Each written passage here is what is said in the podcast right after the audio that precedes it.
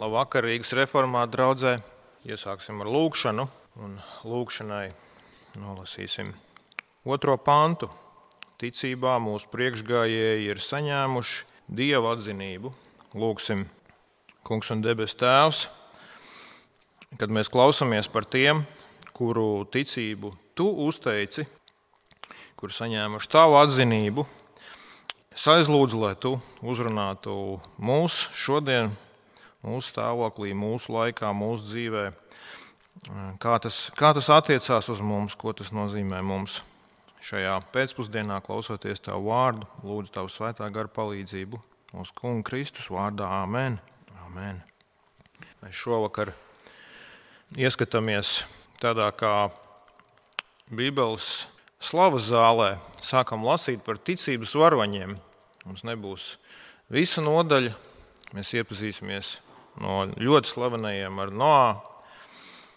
Tālāk, no, tālāk šajā nodaļā ir Mozus, Ab, vispirms Ābrahams, arī Sāra, Mozus un citi ticības varoņi. Daži pārsteigumi, tos mēs redzēsim citās nākamajās reizēs.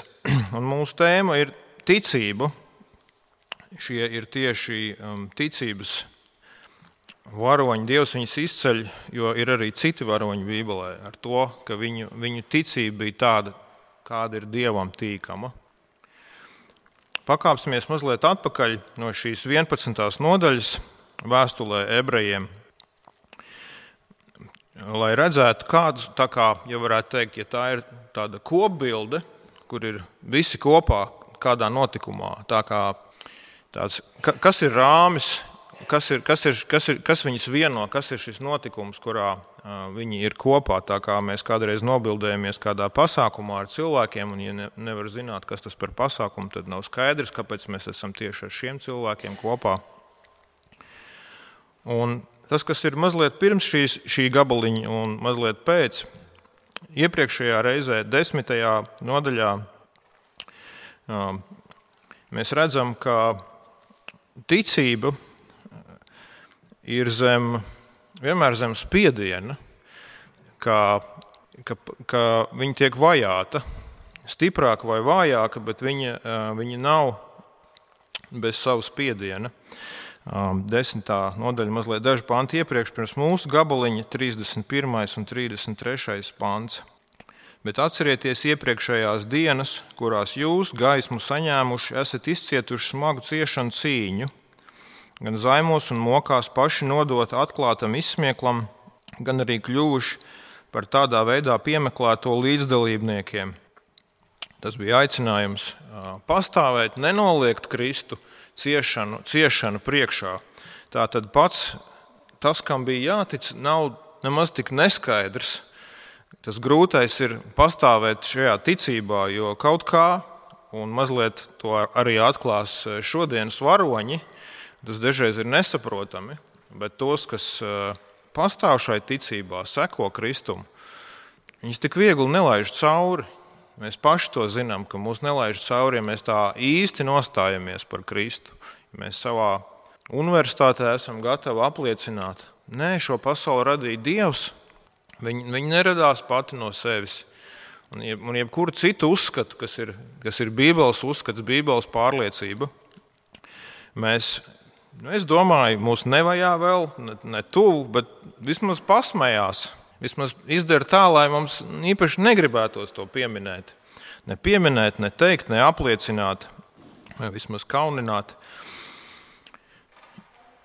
Tā tad ir ticība tiek vajāta nevienmēr, nevienmēr tādā fiziski sāpīgā, un tā ir tā problēma no viņas neatkrist. Tas, tas izaicinājums, kas vieno šos visus varoņus. Un otrs, atkal 12. nodaļa, kas nāks aiz šī varoņu parauga, tas ir, tas ir grēka un kauna jautājums. Ka mums pašiem ir iekšā bez ārējā spiediena. Kaut kas, kas mūsos cīnās pret ticību, ticēt tam, ko Dievs ir teicis, pie kā turēties. Iekšējs, iekšējs vilinājums, smagums, kas mūs velk, velk atpakaļ.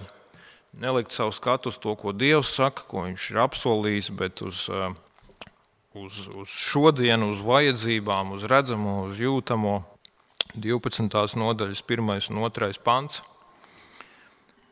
Tāpēc tad arī, tāpēc tad arī un es būtu ļoti priecīgs, jūs atšķirtu šo 12. nodaļu un 1. un 2. pantiņu, turēties tekstā. Neliela atkāpe. Tas ir viens no zaudējumiem ar visām elektroniskajām ierīcēm un ekrāniem. Mēs pilnīgi pazaudējam to kontekstu, kurā tas, kas mums ir teikts, nāk, kādas ir vispār grāmatas, kur ir vecā, jaunā derība, kur mēs esam ja, arī jaunajā derībā. Šī ir viena no grāmatām, kas ir uz beigām. Kur mēs esam pašā vēstulē? Mēs esam jau tālu tikuši, daudz lasījuši un esam pie beigām. Mēs atšķiram, tas jau mūs norientē. Tātad pirmais un otrais pantiņš. Tāpēc arī, kad ap mums visapkārt tik liels pulks liecinieku, un tie bija tie liecinieki, viņi visi dzīvi, šie šie ticības varoņi. Viņi visi ir ap mums apkārt, kad mēs dodamies savā ticības uh, cīņā kaut kur pa nedēļu. Galīgi jau, ka mums var būt šis pulks liecinieki, kas šodien šeit ir klāt, kas mums palīdz, šeit es sēžu un domāju, nu, protams, ka es ticu. Kāpēc? Kāpēc lai es neticētu? Par ko tu vispār runā? Priekš kam šis sprediķis es ticu? Bet tad, kad mēs esam kaut kur vieni un izolēti, tad mums apkārt vienmēr ir šis pulks liecinieki. Atcerēsimies arī tos, kas šodien ir mūsu raksturvietā ir, ka viņi vienmēr ir ar mums un skrien ar mums kopējā skrējienā. Un es lasu tālāk, pirmā panta vidū, dosimies ar pacietību mums noliktajā sacīkstē, nolikdami visu smagumu un grēku, kas ap mums tīnas. Un raudzīsimies uz Jēzu ticības iesācēju un piepildītāju, kas viņam sagaidāmā prieka vietā krustu ir pacietis, par kaunu nebēdādams un ir nosēdies Dievam, Dievu tronim pa labai rokai. Viņam bija grūti, bet viņam viss labi beidzās. Tas ir paraugs. Mums apkārt ir šis pūks liecinieku. Un uh, arī, arī šie visi uh, varoņi, viņi tika kārdināti un pārbaudīti, un viņiem bija grūti. Un viņiem arī gribējās skatīties uz šodienas, šī laika lietām, un tomēr viņi pastāvēja. Tad šie, šie divi mūs norentēja, pret ko tad viņi pastāvēja, kas ir īstenībā ticības grūtības.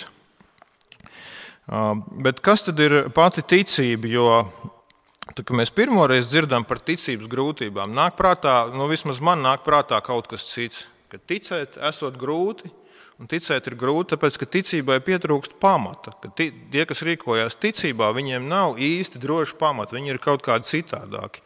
Atšķirībā no tiem, kas meklē un grib uz kaut ko pamatoties, Ticības cilvēki ir tie, kuriem viņi kaut kādi naivi ir vai kā, viņiem nevajag tādu stipru racionālu pamatojumu.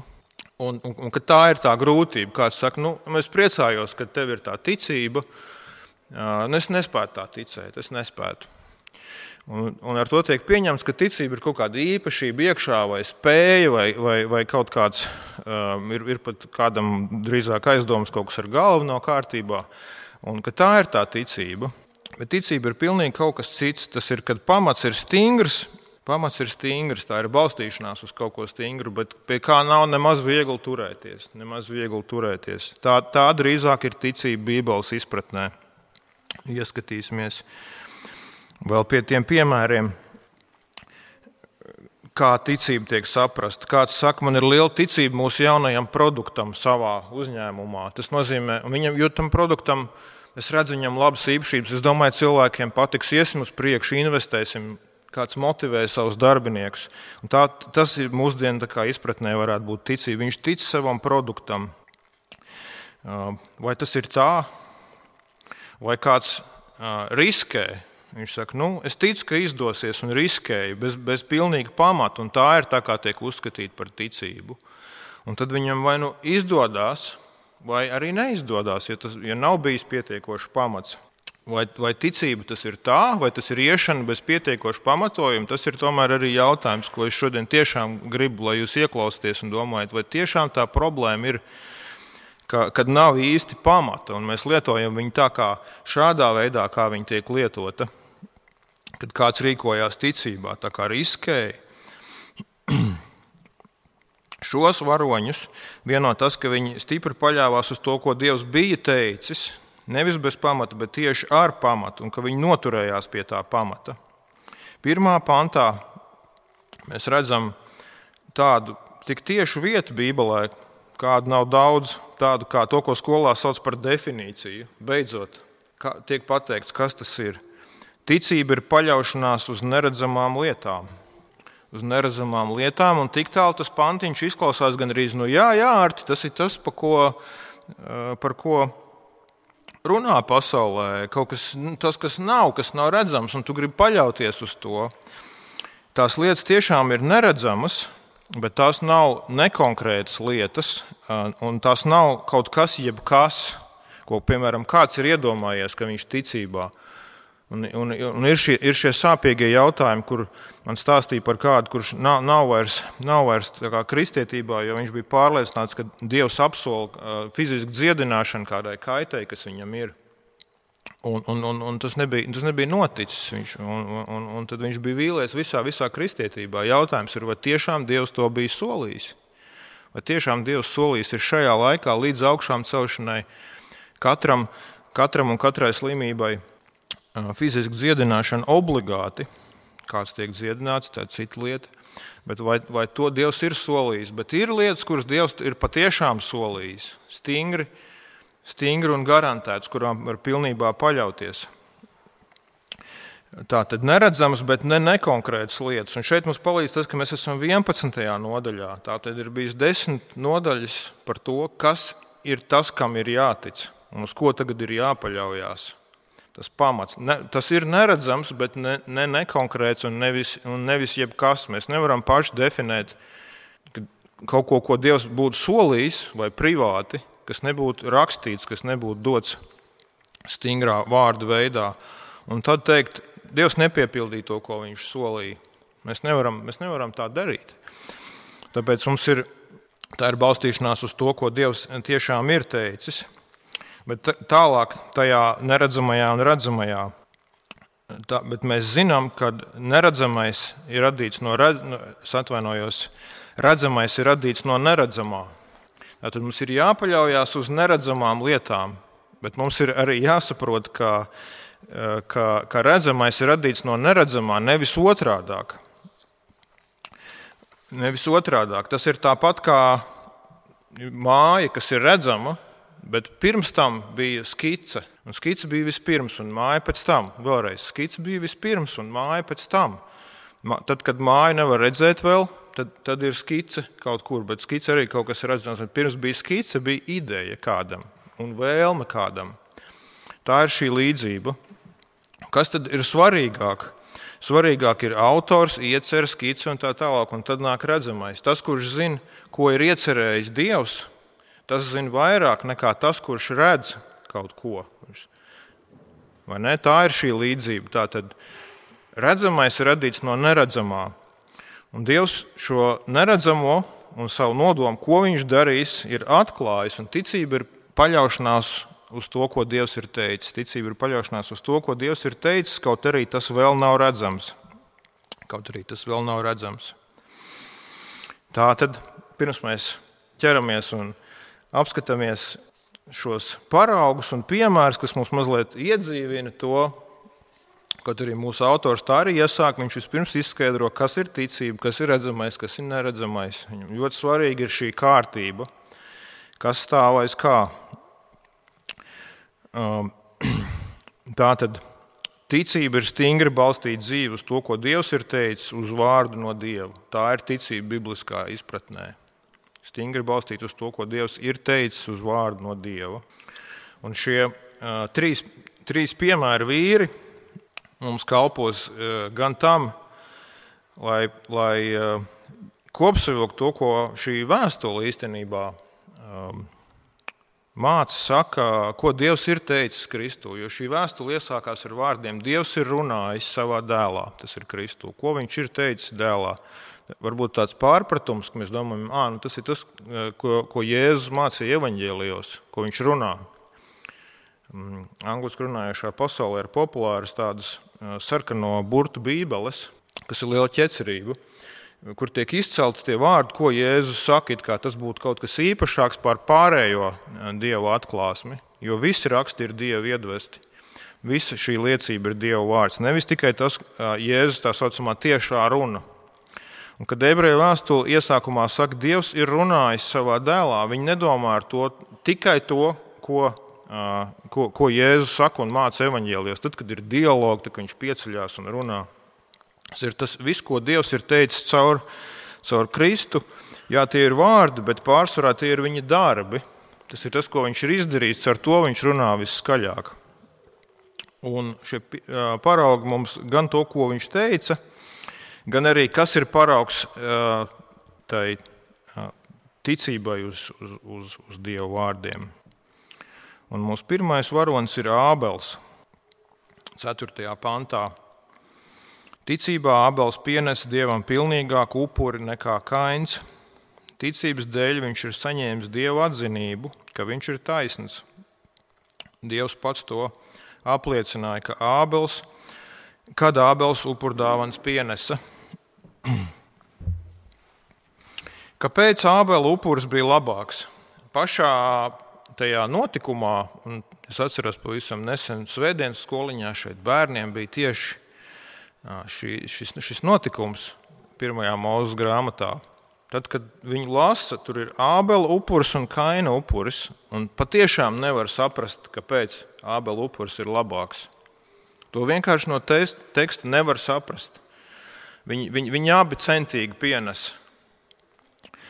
Bet tagad, kad mums ir dievišķais autors atklājis eh, visu, kad mums ir pilnīga atklāsme, tagad mēs redzam, kāpēc Ābela upuris ir labāks. Acīm redzot, Ābelam, Ābelam bija Dieva vārds, kādam upurim ir jābūt. Viņš bija iepriekš dzirdējis, ko Dievs saka, kādam upurim ir jābūt. Un viņš bija ticībā, paļaujoties uz saprotot, ka tas ir svarīgi, ko Dievs ir teicis, atnesis tieši to, ko Dievs bija prasījis. Atnesis to, ko Dievs bija prasījis, un mēs redzam, ka viņa upuris bija labs un pieņemams. Un mums ir atklāts, kāds ir labs un pieņemams upuris, kurš glābi, kurš ir Dievam pieņemams. Par to arī lielākā daļa šīs vēstules par Kristus upuri. Tā Dievs ir runājis caur savu dēlu. Tā viņš ir uzrunājis pasauli, tā viņš ir. Pasaule saka, Dievs klusē, debesis klusē. Tā Dievs ir uzrunājis pasauli redzamu notikumu, ko nevar noslēpt vēsturē. Viena no labāk zināmajiem un aprakstītajiem notikumiem vēsturē ar daudzām liecībām, ar daudziem manuskriptiem, ar, ar lielām izmaiņām pasaules vēstures virzienā. Kristus nākšana, dzīve, nāve, augšām celšanās, draudzes dzimšana, un, un uh, visu civilizāciju, kas ir dzimusi ap, ap, uh, ap, ap Kristus liecību, izmainījusi pasauli. Tas ir veids, kā Dievs ir uzrunājis pasauli savā, savā dēlā, kurš ir, kurš ir nesis Dievam pieņemamu upuri. Desmitās nodaļas, desmitajā pantā, pēc šīs dievišķās gribas, caur Jēzus Kristus miesas upuri, mēs esam darīti svēti reizi pāri visām reizēm Tik caur Kristus miesas upuri mēs esam darīti svēti. Dievs ir atklājis, kāds ir viņam pieņemamais uh, upuris, kā cilvēki var salīgt, uz ko paļaujoties viņi var būt patīkami Dievam, gūt atzinību, uz ko stingri stāvēt. Un tas šodien mums uh, trāpa ļoti precīzi. Ja jūs, es esmu pārliecināts, gan nepazīstot katra draugus un radus, bet jūs prasītu, uz, uz ko tu paļautos, ka, tu, ka, tu, ka Dievs tev pieņemt, ja tu vispār tici Dievam, vai kāpēc tu esi labs cilvēks vai pieņemams. Tik bieži cilvēki sāks runāt par saviem labajiem darbiem, ar ko viņi ir labāki vai ar ko viņi ir centīgi. Vai ja viņi arī tā neteiks iekšēji, un ne tikai viņi, arī mēs šajā domāšanas veidā, pasaulīgā, iekrītam atkal un atkal ko es esmu darījis labi, kā es esmu centies. Un tā, tā, tā, kā, tā kā kains, pienesot labāko, kas man ir. Es esmu, es esmu audzinājis un, un, un barojis tās, tās avis un, un pašu savu, pieņemsim, labāko to avi. Nē, bet otrādi es, es upurēju. Domājot, ja tas ir mans labākais veltījums, labākais, kas man ir, Dievam, Dievam ir tas jāpieņem. Bet Dievs saka, draugi, tā problēma ir daudz, daudz lielāka. Visi jūsu upuri, visi jūsu centība, tas nav pietiekoši. visi jūsu taisnība, ka jūs esat labāki par citiem, vai tas, ka jūs neesat uh, hinduisti vai musulmaņi, vai tas, ka jūs neesat pagāni, vai tas, ka jūs neesat izdarījuši tik šausmīgu lietu, kā kaimiņš ir izdarījis, vai kā māsīca ir izdarījusi, vai kā pat brālis vai māsa ir nodarījis. Daudz labāki par kādu citu. Tas neko nedod. Tas nav pietiekoši, ne tuvu pietiekoši Dieva acīs kā dievam nebija pieņemams kaina upuris. Dievs pats ir atklājis, kāds upuris ir vajadzīgs. Un tas, kurš tic un paļaujas, ka tikai caur šo upuri viņš var nākt un būt pieņemams, tas ir dievam patīkams. Tā ir dievam patīkama ticība. Un tāds bija Ābels. Mums tas nekur šeit nav rakstīts, bet, bet, ta, bet, bet šeit ir rakstīts, kā var būt patīkams dievam, ticot uz to, ko viņš ir atklājis. Un viņš to ir atklājis. Nākošais varonis mums ir Hanoks. Es nebrīnīšos, ja jūs nezināsiet, kur Bībelē ir Hanoks.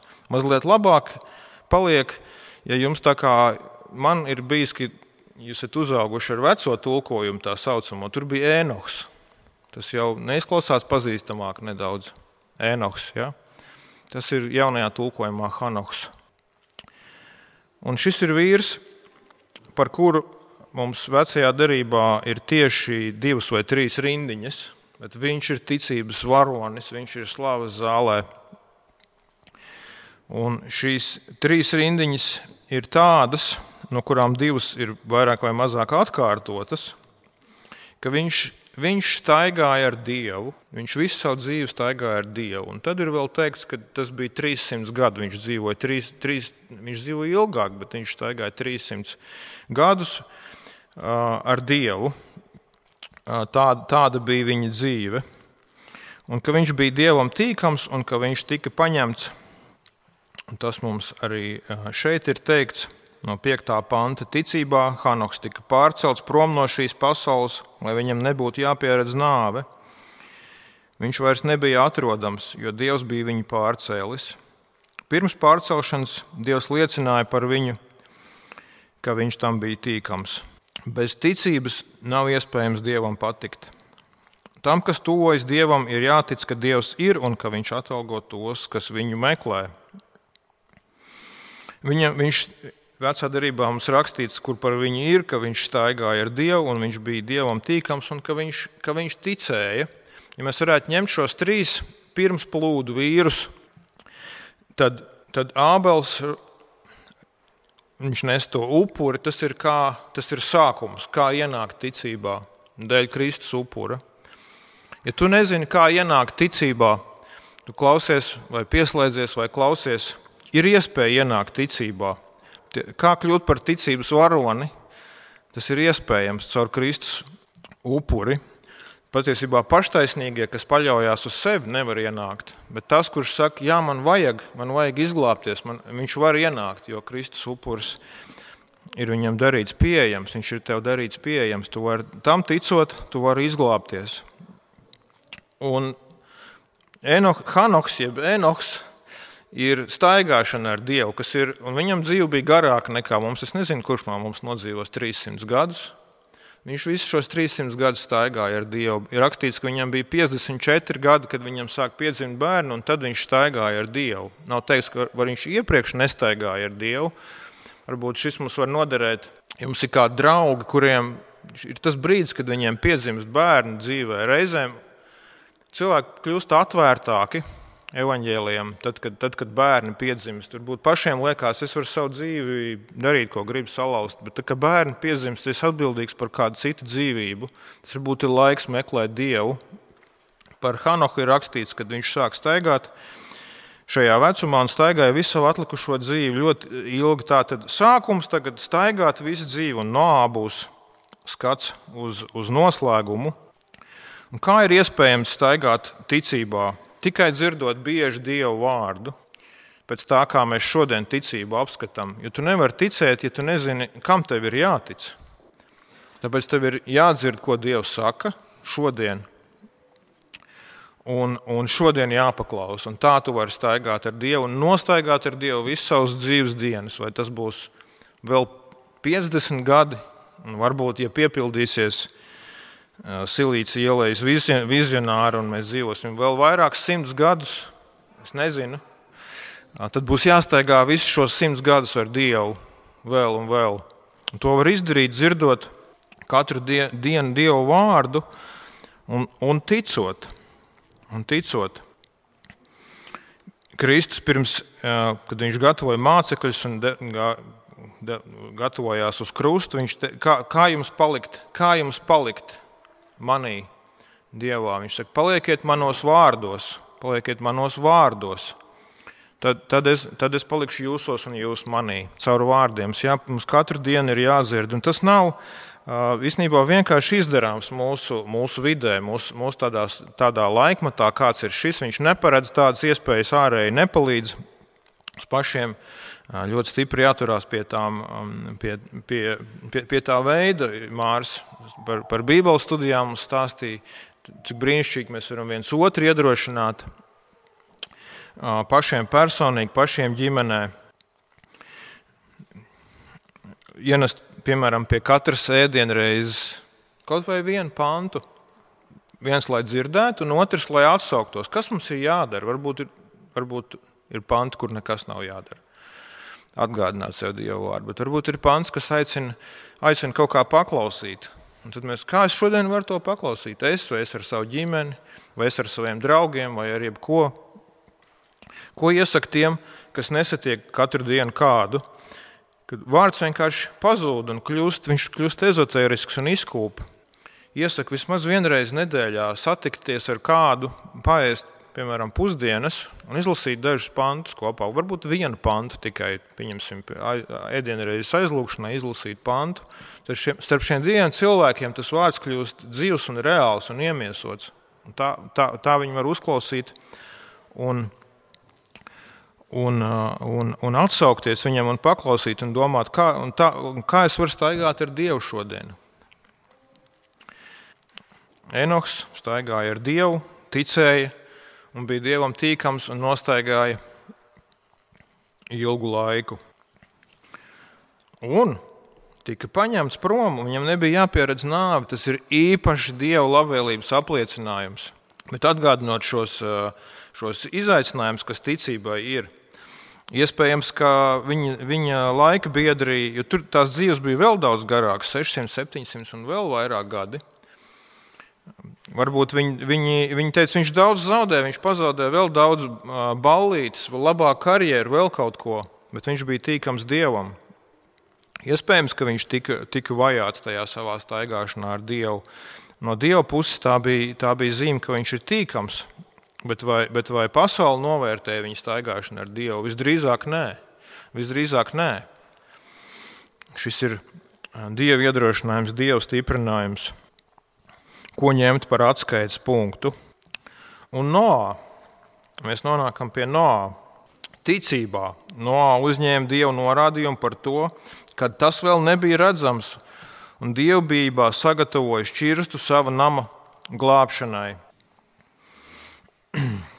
viņš uzņēma norādījumu par to, kas vēl nebija redzams. Visi zina no stāstu. Ar to, ar, to ir, ar to viņi ir labi šeit, ka šeit mums tiek mācīts jau tikai par to, kāda bija viņa ticība, nevis pats, nevis pats notikums. Kurš tad, nez, kurš tad nezina par Noā? Dievs brīdināja, ka nāks tiesa un lai ceļš šķirst, ka būs liela plūde un viss ies bojā. Viss tā civilizācija ies bojā.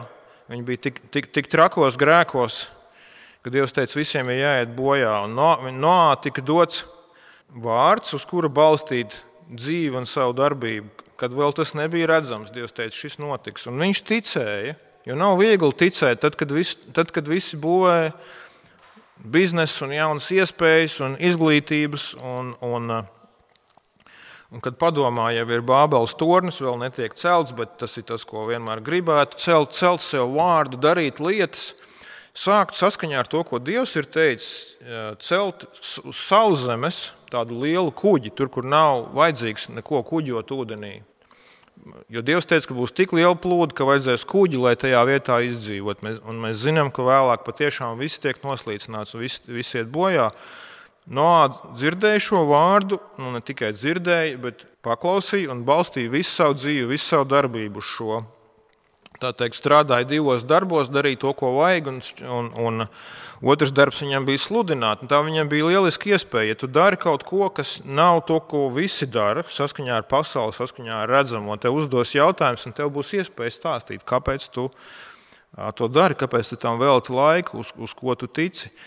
Es netikšu uzņemts ar atsaucību, droši vien, un tu pats būsi kārdināts drīzāk nodoties kaut kam citam, vai sevišķi, paies ilgs laiks, tad domā, labi, es celšu, un, un pēc dažām nedēļām tas notiks, un es būšu vinnētājs. Bet tad, kad tu vairs nejūties vinnētājs, kad paiet varbūt pieci gadi, un nekas neattaisnojās no tā, viena no šīs ticības īpašībām, šo Bībeles varoņu, ko mēs redzēsim nodaļā tālāk, bija tas, ka viņi savas dzīves laikā to piepildījumu nesagaidīja. Viņi nesagaidīja viņu. Varbūt Noā ir tas vienīgais, kurš arī sagaida vismaz, vismaz lielā mērā piepildījumu. Viņa, viņa ticība attaisnojās lielākajai daļai. Viņi tic, bet tas ir vēl tālāk. Tā, tā ir zeme, tā ir pilsēta, ko būvē Dievs, kur tiek gaidīti, bet viņi, viņi paši nesagaida. Tāda ir ticība. Ja, ja tas diezgan ātri attaisnotos, tad viss saprast, ka tas ir ļoti izdevīgi arī šīs pasaules noteikumiem, bet tā tas nav. Tā tad Noā atkal ilgi paklausīja, ņēma to vērā un balstīja savu dzīvi. Savukārt mēs dzīvojam šodien laikā, kad skats ir ļoti uz šeit un tagad, ļoti šeit un tagad, ar visu runāšanu par tādiem vārdiem kā ilgspējība, bet par kādu, cik ilgi ilgspējība ir runa, tad, kad runā par šādām lietām, resursiem, vai pat klimatu vai citām lietām. Viss skats ir uz, uz, uz, uz to, kas ir šodien un tagad. Un arī baznīca ļoti meklē veidus, kā iekļauties, kā būt aktuāliem, kā piedāvāt risinājumus kādām šodienas problēmām, kas nav nebūtu slikti. Mēs gribam palīdzēt saviem līdzcilvēkiem.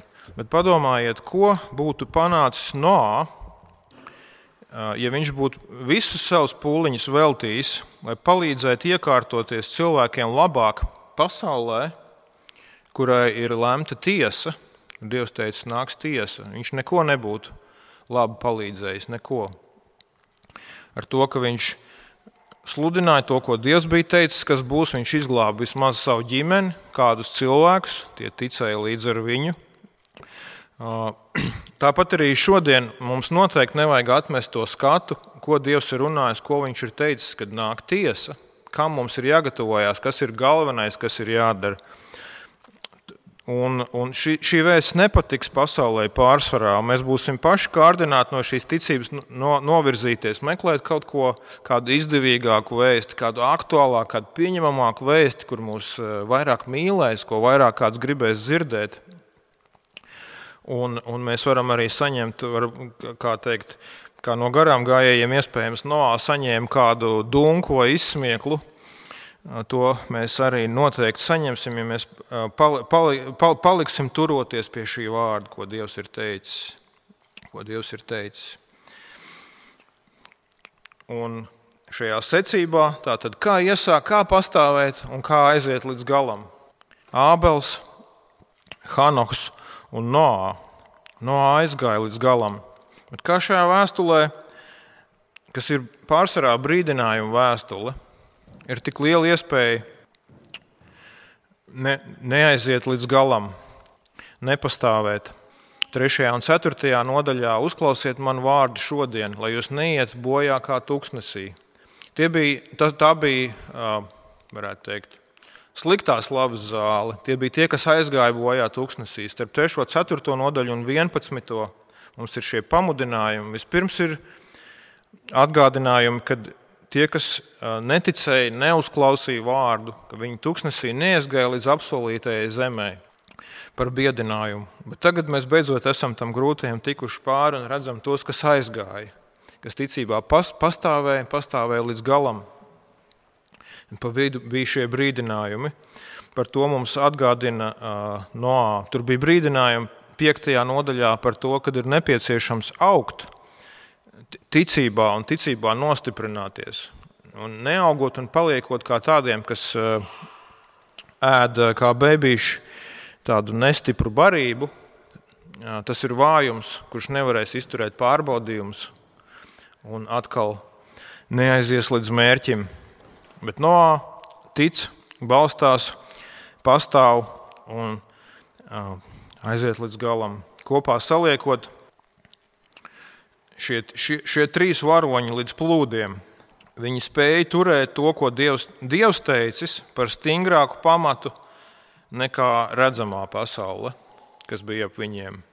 Nekā redzamā pasaule, kas bija ap viņiem, to, ko Dievs teicis par nākotni. Kā mums dzīvot? Ne pēc pasaules atskaites punkta, pēc redzamā, bet pēc neredzamā, ko apsolījis ir Dievs. Kā mums, kā mums to dzīvot, kā mums pastāvēt? Es noklausījos kādu laiku atpakaļ. BBC tādu labu, labu, labu um, žurnālistisku atstāstījumu par 2010. gadā Čīlē ogļraču krīzi. Viņi tika iesprostot gan arī kilometru dziļumā, 39 ogļrači aizbruka viņiem tā šahta. Un caur šauru kanālu tika saņemts signāls, ka tiks veikts glābšanas urbums, un, un arī caur to tika uzzināts, ka viņi ir dzīvi, jo viņi varēja atbildēt, ka nav viņi pavisam aizbrukuši. Saņēmuši šo ziņu, ka ir iespējama glābšana, viņi sadalīja ēdienu kas, cik, cik bija uz, uz, uz uh, pa dienām, veidoja disciplīnu, kā, kā dzīvot tās dienas, izvirzīja mērķi notievēt. Jo tā, tā truba, ko varēja, viņi bija pēc iespējas tievāk, jā, jo citādi varētu notikt nogrūms un viņi iegrūtu tur iekšā. Ļoti tievu trubu viņi Tā tad urba tur un, un daži vīri bija par, par, par apaļiem, lai viņus varētu pa to trūku izvilkt. Un viņi sastādīja visu šo plānu, un pats galvenais viņi pārvarēja iekšējais konflikts. Iedomājieties, ir ierobežots ēdiens, izmisums, tāds spiediens, vai ja viņi urbs vai viņi neiebruks, visas šīs bailes, savstarpējās attiecības. Tur bija viņi visas šīs liecības pierakstījuši. Jā. Viņi visu to pārvarēja. Pēc 69 dienām tika viens aiz otru visi izvilkti ārā.